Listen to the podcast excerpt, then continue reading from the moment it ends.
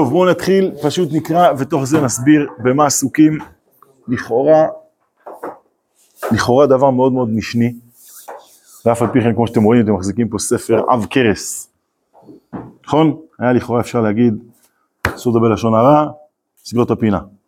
אז כבר שימו לב, עוד לפני שאתם אפילו פותחים, שאתם בעצם מחזיקים ביד, אומנם כריכה אחת, אבל שני ספרים. מכירים את זה? שיש פה בעצם גם שמירת הלשון וגם חפץ חיים. יש ספר הלכות בחלק הראשון, שאומר בוא תבין בכלל מה מותר ומה אסור. לפעמים יש דברים שאתה חושב שזה לשון הרע וזה נורא ואיום שאתה לא אומר אותם.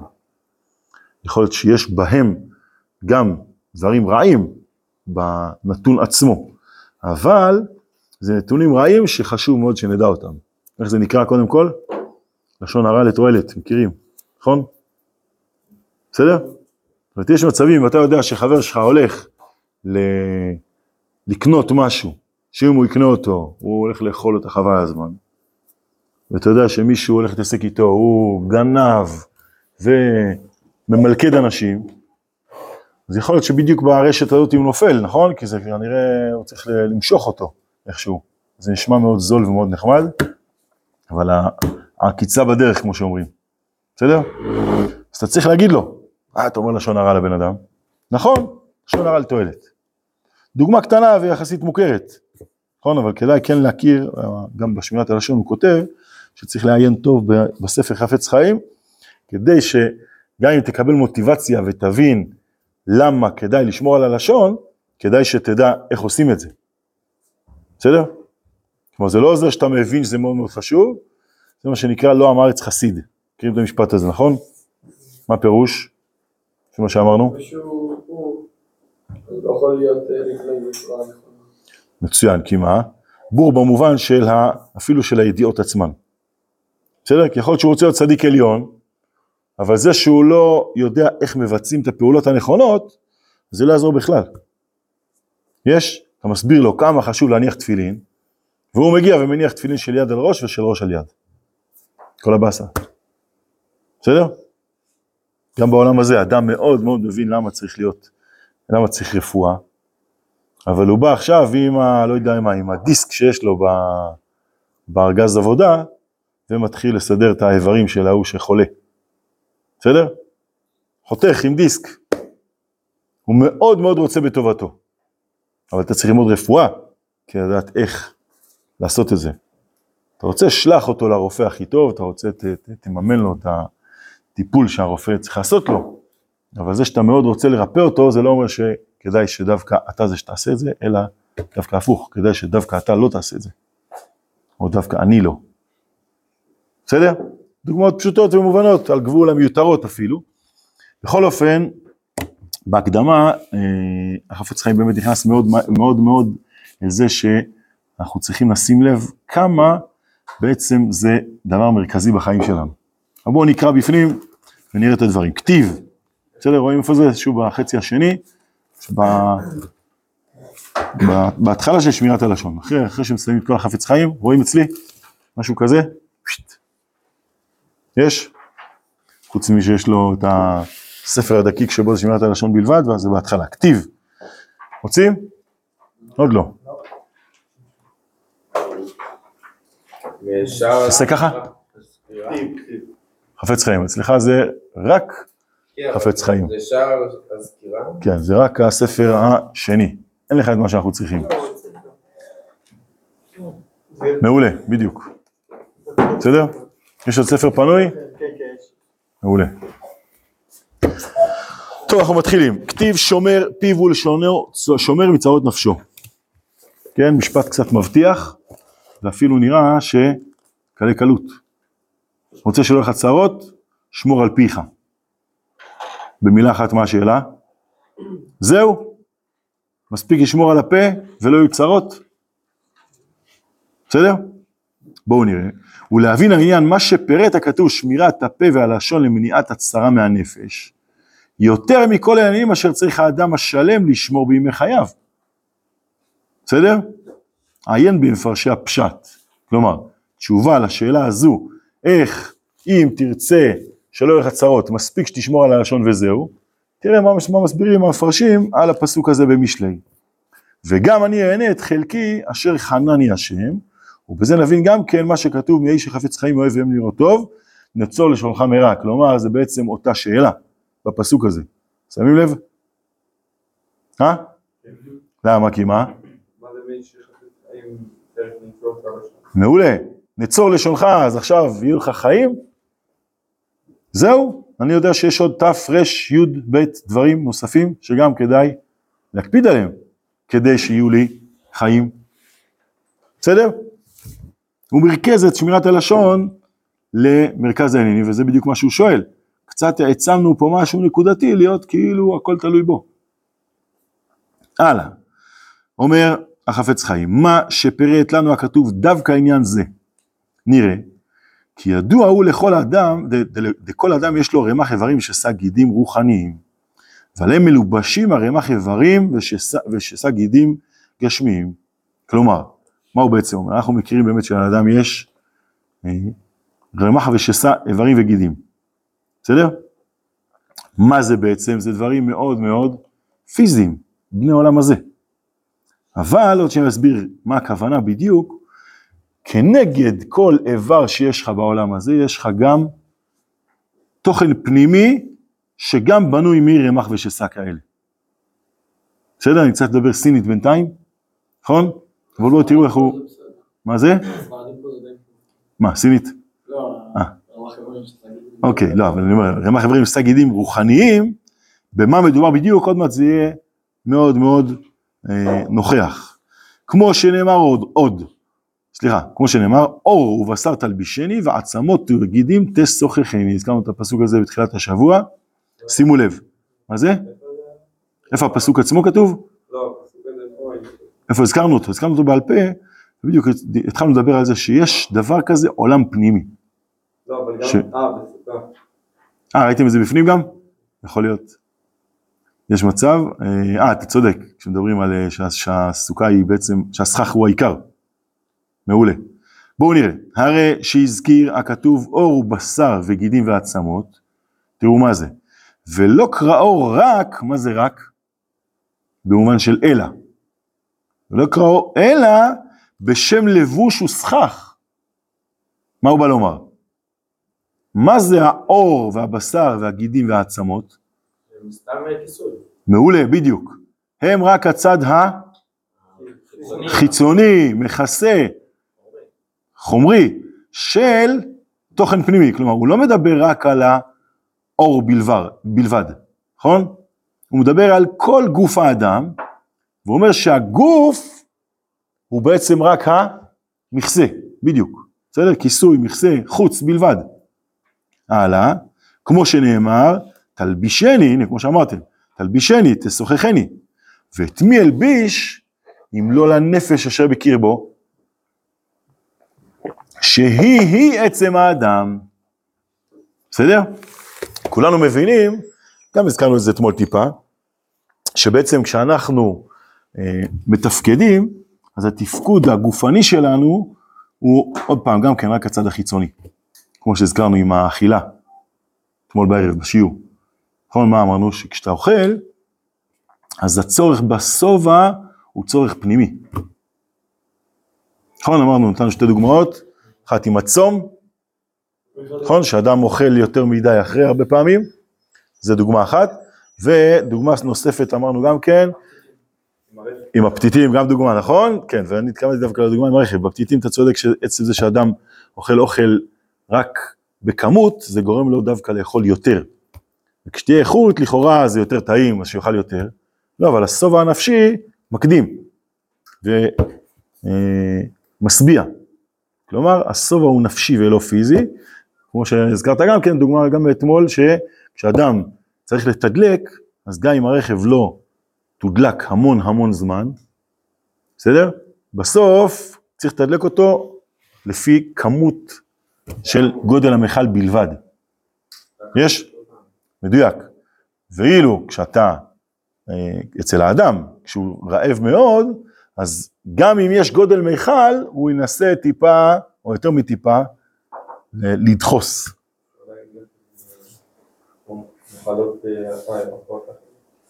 שבאות ממה? מצוין? מעולה, נכון. יפה מאוד, נכון, זה גם דוגמה לזה. בסדר? טוב, זה שוב, זה דוגמא, דוגמאות לזה שבדיוק, שאם הבעיה היא נפשית, אז הרבה פעמים הניסיון לפתור אותו על ידי דברים פיזיים בלבד, זה יהיה קצת אה, לחיות בסרט. בסדר? אלא צריך באמת להגיע, יכול להיות שאתה אתה פועל על ידי דברים פיזיים, אבל הדברים הפיזיים צריכים להגיע אל הנפש ולא לפתור את ה... לא דרך זה שהוא יאכל יותר, הוא יפתור את הבעיה עצמה. להפך, שם הוא ירגיש את התסכול אחר כך. נהדר. אז שוב אני קורא מאחרי הפסוק, הרי שהזכיר הכתוב אור ובשר וגידים ועצמות ולא קראו רק, שוב, שזה אלא, בשם לבוש ושכר, כמו שנאמר, תלבישני תשכחני ואת מי אלביש, אם לא לנפש אשר בקרבו, שהיא עצם, שהיא עצם האדם. ועל כל עבר ועבר של אדם מלובש מלמעלה עבר הגוף המכונה כנגד עבר ההוא, כמו הבגד על הגוף. בסדר? שוב, בעצם הצד הפיזי שלנו הוא רק החוץ של עצם האישיות והעולם הפנימי שאליו אנחנו שייכים. וכנגד זה נתן לנו הקדוש ברוך הוא, רמ"ח מצוות עשה ושסע לא תעשה, והם מחולקים גם כן על האיברים.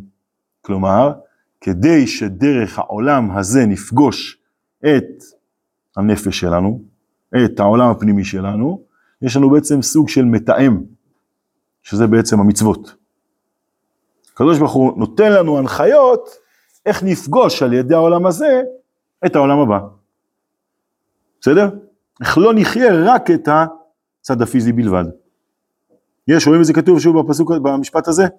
וכנגד זה נתן לנו הקדוש ברוך הוא רמ"ח מצוות עשה ושסה לא תעשה, והם מחולקים גם על האיברים, יש מצווה שתלויה ביד ויש מצווה שתלויה ברגל, וכן שאר כל האיברים, כמו שנאמר בספר חרדים.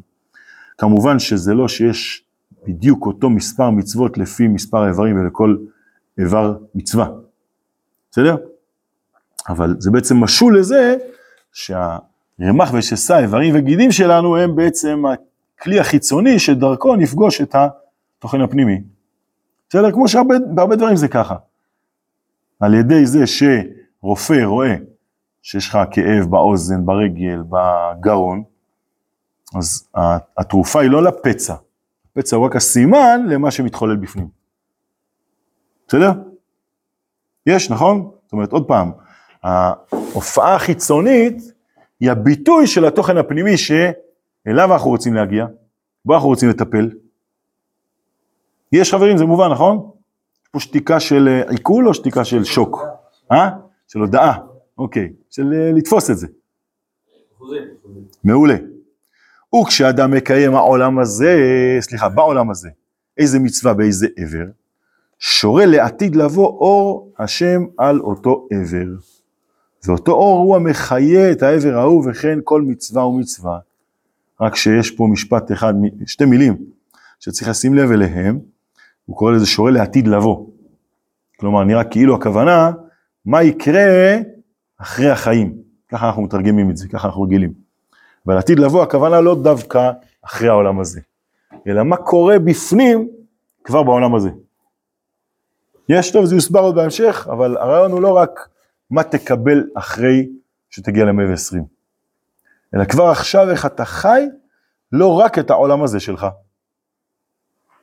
יש, מבינים? מה זה? כלומר, קדשנו בעולם הזה, במצוותיך מצוין, נכון? בהחלט. כלומר, שוב, תייצר אצלנו מפגש איתך דרך המצוות. יש, מבינים מה הוא מדייק מה- מהמשפט? בסדר? הלאה. נמצא, נכון שם אנחנו? כן, נמצא. וכשאדם מקיים הרמ"ח עשין, אז הוא האדם השלם המקודש להשם בכל איבריו. כן, כלומר, כשהוא כן יפגוש בצורה הנכונה את המציאות, אז מה יקרה לו? אז הוא בפועל אדם שלם שמוקדש להשם בכל איבריו. וזהו מה שנאמר פרשת ציצית, ועשיתם את כל מצוותיי והייתם קדושים לאלוקיכם. כן, דומה למה שאמרת ידיד, כן, עוד פעם, על ידי המצוות, קדשנו כאן. אבל אם חס ושלום תחסר לו מצווה אחת מרמ"ח עשין, שהשליכה אחר גבו, כלומר, אם הוא פספס מצווה מסוימת ולא עשה תשובה על זה, יחסר לו לעתיד לבוא בנפשו האיבר המכונה נגד המצווה ההיא. וזהו מה שאמרו בברכות, מעוות לא יוכל לתקון, זה שביטל קריאת שמע של ערבית או, קריאה, או קריאת שמע של שחרית, או תפילה של ערבית או תפילה של שחרית, וכשאדם זהיר מלעבור על הלווין שבתורה, הוא ממשיך אור הקדושה על גידי נפשו. כלומר, עוד פעם, הוא מזין את העולם הזה, זה קצת כמו אה, אדם שמכין עוגה. אז הוא צריך שתהיה לו תבנית. הגוף שלנו הוא בעצם תבנית שדרכו אתה יכול להכין את העוגה. אז מי בסוף החשוב? כמובן, מצוין, העוגה. רק שאתה מבין מצוין שלגודל חשיבותה של העוגה, אתה חייב את התבנית. מי שאוכל את העוגה לכאורה זה העולם או משהו? תסביר. כאילו, אם אנחנו תבנית, כאילו. זהו, זה לא שאנחנו התבנית, אנחנו בסוף גם העוגה וגם התבנית. אבל יש לנו איזו נטייה לחשוב לפעמים שאנחנו, אה, כאילו בדוגמה, אנחנו התבנית בלבד. כלומר, בפועל הגוף שלנו נראה לנו כאילו הוא העוגה, במקום להבין שהוא התבנית. הוא חשוב ביותר, אבל בתור תבנית של עוגה. יש, עוד פעם, זה הצד החיצוני, כמו שאמרנו בהתחלה, אם את תשוחחני, תלבישני. חייבים את זה, נכון? מה עושה לנו האור של הגוף? גם בזה זה נכון, ש... נכון, זאת אומרת, זה בסוף כמו שיש לך, שוב, זו אותה דוגמה, כמו תבנית ועוגה, קח תפוז וקליפה של תפוז. שביזות לקלף את התפוז, נכון? היינו שמחים אם תפוזים היו גדלים על העץ מקולפים, נכון? בלבלתי אתכם, ממש לא נכון. למה לא? אה? חלק מהאווירה עוד החלק הקטן שבדבר. מה זה? מה זה היה מלוכלך? הוא היה מזמן כולו חורים ותולעים, והקליפה זה המתנה של החסימה עד הרגע שאני רוצה לאכול אותו. בסדר? אם הוא היה בלי קליפה, הוא היה צומח על העץ בכלל. הרבה לפני זה היו מנקרים אותו הציפורים. בסדר? הקליפה חוסמת את מי שצריך לחסום אותו כדי שהוא יהיה נגיש אליי. בסדר? אז זה קליפה ואני צריך לקלף אותה, אבל בסדר, זה תעשה דקה לפני שאתה אוכל. עוד לפני הוויטמינים וזה, שגם כן בורחים אחרי שאין קליפה וכאלה. סתם, אפילו בצד שמתוק לי. חכו עם uh, כל מיני דברים שאנחנו לא מבינים בהם, ושגם בגללם הקליפה טובה לנו. בצורה הכי הכי פשוטה. בסדר? אז גם הגוף שלנו הוא סוג של קליפה, אנחנו חייבים אותו, אנחנו לא נגדו. אנחנו באמת, יש לנו הרבה עבודה לא פשוטה עם הגוף שלנו, כדי שהוא לא ישתלט עלינו וידמיין שהוא העיקר. אבל אנחנו מכבדים אותו, אנחנו לא מזלזלים בו.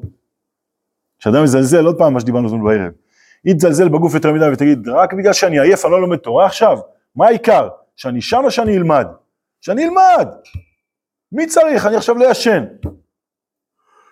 אז מה אמרנו? הנפש, שהיא כן כלולה משני החלקים, היא תתבע בדיוק, היא, היא לא תיתן לזה לקרות, היא תגיד. זה כבר עוד שלב, נכון? למה חייבים? לא בגלל שככה תגיע לצבא ותהיה החייל הכי טוב בעולם, שגם זה חשוב, אולי, בסדר? אם אתה לא ג'ובניק. בסדר? גם אם אתה ג'ובניק זה חשוב, אבל זה עדיין, זה לא המטרה. למה זה חשוב? כי כשהנפש אה, רוצה לצאת לפועל, אז אם הגוף בריא, היא תצא לפועל יותר טוב. נכון? שוב, זה, אתה צודק, זה אקסטרה כבוד לגוף, אבל זה כמו שאתה מבין, שלפעמים צריך גם יותר קליפה, כי אתה יותר מייקר את מה שיש בפנים. נכון? את הכוס שלך אתה שומר בארון של החדר תה, אבל את הספר תורה נועלים עם מפתח. פנינה גם זה בתוך תפילה. בדיוק, ככל שיש, ככל שדבר יותר יקר, אז אתה דואג שתהיה קליפה כמו שצריך, שתהיה נעילה, שתהיה חברת אבטחה אולי. את מה אתה מאבטח יותר? את, את הדבר שהכי הכי חשוב לך. בסדר? את ראש הממשלה אתה מאבטח עם לרצות, בלי לרצות, זה מה שעושים, כי כולם מבינים שזה הכי חשוב כדי שאנחנו נוכל להיות העם. זה יקר. טוב, מסכן, לא נעים, כל כך הרבה, כל כך הרבה מאבטחים ושיירה ועניינים, כל מקום שהוא רוצה לצאת הוא רק אה, כבר, יאללה, עזוב אותי, לא נלך. מה לעשות? גם הוא משלם הרבה על זה שזה כל כך לא פשוט. אבל שוב, זה רק הצד החיצוני, שאני מכבד אותו בגלל שאני מעריך את מה שיש בפנים. אגב, זה מה שהתחלנו, עוד לא דיברנו על זה בתוך הספר, אבל זה גם הקטע בצניעות. שכשאתה מצניע, זה לא בגלל שאתה מתבייש בזה. למה אתה מצניע? כי כי הפנים יקר. יש? ולכן אם אתה מתייחס לגוף יותר מדי, אז בעצם הפכת אותו להיות כאילו הוא הקטע. ולא כאילו דרכו, התוכן הפנימי הוא העיקר. בסדר? כשאדם מתנהג בצניעות, זה אומר שהוא מכבד את עצמו. לא שהוא מתבייש. יש, מבינים? שוב, ככל שיש לך משהו יותר עם תוכן פנימי, ככה אתה יותר נזהר עליו. בואו נסיים את הפסקה ונעצור.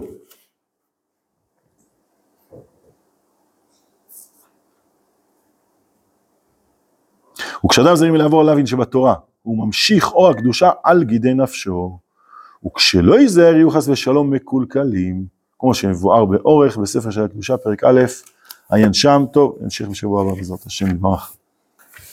אשריכם.